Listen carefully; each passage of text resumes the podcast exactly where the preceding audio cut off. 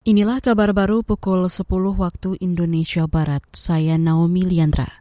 Perdana Menteri Belanda meminta maaf kepada Indonesia karena menggunakan kekerasan yang ekstrim dan sistematis saat Perang Kemerdekaan Indonesia. Dikutip dari BBC, permintaan maaf ini muncul setelah penelitian mengungkap kekerasan yang dilakukan Belanda saat Perang melawan Indonesia. Dalam studi yang dilakukan selama empat tahun oleh peneliti Belanda dan Indonesia, diketahui tentara Belanda membakar desa-desa, melakukan penahanan massal, penyiksaan, dan mengeksekusi masyarakat pada 1945-1949. Kekerasan ekstrim ini dilakukan dengan dukungan diam-diam dari pemerintah. Perdana Menteri Mark Rutte mengatakan permintaan maaf juga disampaikan kepada orang-orang di Belanda yang terdampak kekerasan ekstrim yang terjadi di masa revolusi kemerdekaan Indonesia. Kita beralih ke berita lainnya. Seribuan tenaga kesehatan nakes berstatus kontrak dan bakti murni di Aceh Utara terancam dirumahkan. Ancaman ini karena nakes tak kunjung divaksin dosis penguat atau booster.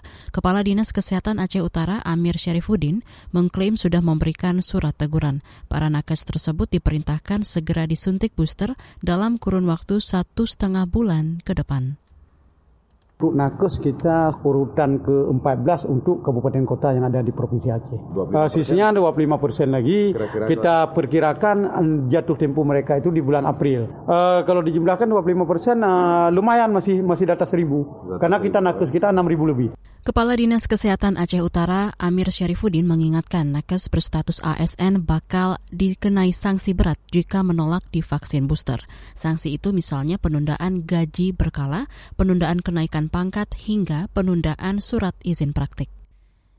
Paris Saint-Germain, PSG, terus berusaha keras merayu Kylian Mbappe bertahan termasuk dengan tawaran gaji yang menggiurkan. Kontrak Mbappe berakhir di penghujung musim ini dan saat ini Mbappe bebas berbicara dengan klub mana pun terkait negosiasi transfer.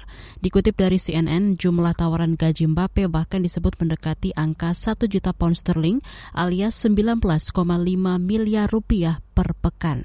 Saat ini Real Madrid disebut sebagai klub favorit pemilik Mbappe berikutnya. Madrid bahkan dikabarkan siap menjadikan Mbappe sebagai pemain dengan gaji tertinggi di dunia. Namun Mbappe membantah telah mencapai kesepakatan dengan Madrid soal perjalanan karirnya di musim depan. Saudara, demikian kabar baru KBR. Saya Naomi Liandra undur diri.